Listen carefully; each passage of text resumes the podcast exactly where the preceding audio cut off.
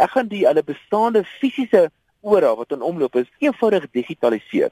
Dit beteken ons gaan dit op 'n app sit of 'n toep sit op jou telefoon byvoorbeeld en dit gaan mense in staat stel om tussen mekaar geld te kan oorplaas en in die proses gaan dit hooplik die transaksiekoste heelwat verminder wat uiteindelik 'n uh, ekonomiese groei en ekonomiese aktiwiteite in die dorp uh, gaan ondersteun. En wat ek dan dan belangstel is om te kyk hoe hierdie digitalisering van 'n fisiese geldeenheid wat se impak dit op ekonomiese aktiwiteite gaan hê.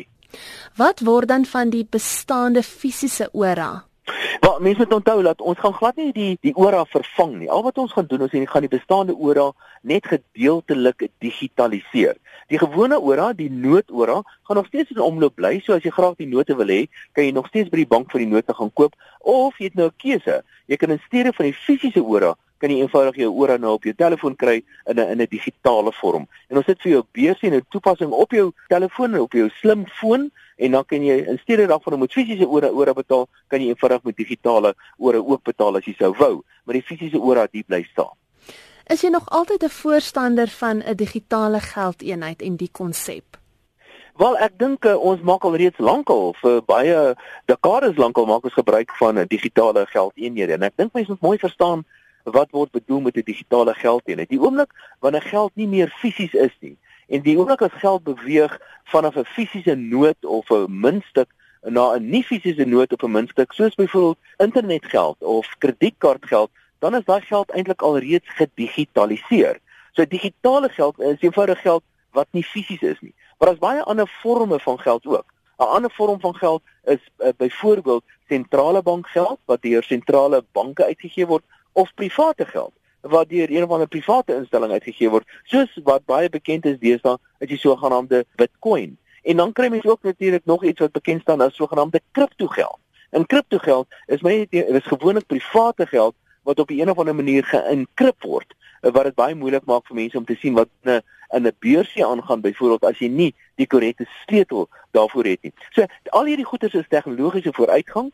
Dit maak ekonomiese aktiwiteite baie makliker dit verminder transaksiekoste en op die ou end gaan dit natuurlik lei tot sterker en meer ekonomiese aktiwiteite. Maar in die proses wat ook kan gebeur is dat privaat individue of privaat instellings kan ook hulle eie geldeenhede begin uitreik soos wat al reeds bestaan en uiteindelik voorsien ek dat ons eintlik dramatiese veranderings gaan sien in die finansiële sektor. Ons kan miskien binnekort 'n klomp privaat geldeenhede sien wat mekaar begin kompeteer en ons mag miskien selfs die einde van banke sien Want hoekom gaan jy van 'n bank gebruik maak as waarde tussen twee individue direk tussen mekaar oorgedra word en dan het jy nie meer die gebruik van 'n finansiële tussenganger nodig soos byvoorbeeld 'n bank nie.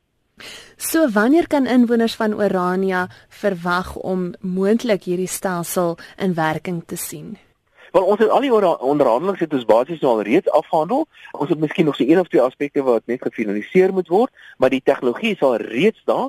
So dit is werklik maar net 'n geval van um, om een of twee goedjies te verander op die spesifieke tegnologie, die toepassing net klein bietjie te verander en dan dan kan ons dit eenvoudig begin toepas. Ons gaan miskien so binne 'n maand of twee begin met 'n toetsloopie om seker te maak dat alles reg werk, maar met so 'n bietjie geluk voor die einde van die jaar het Orania nie net 'n fisiese ora nie, maar ook 'n digitale ora.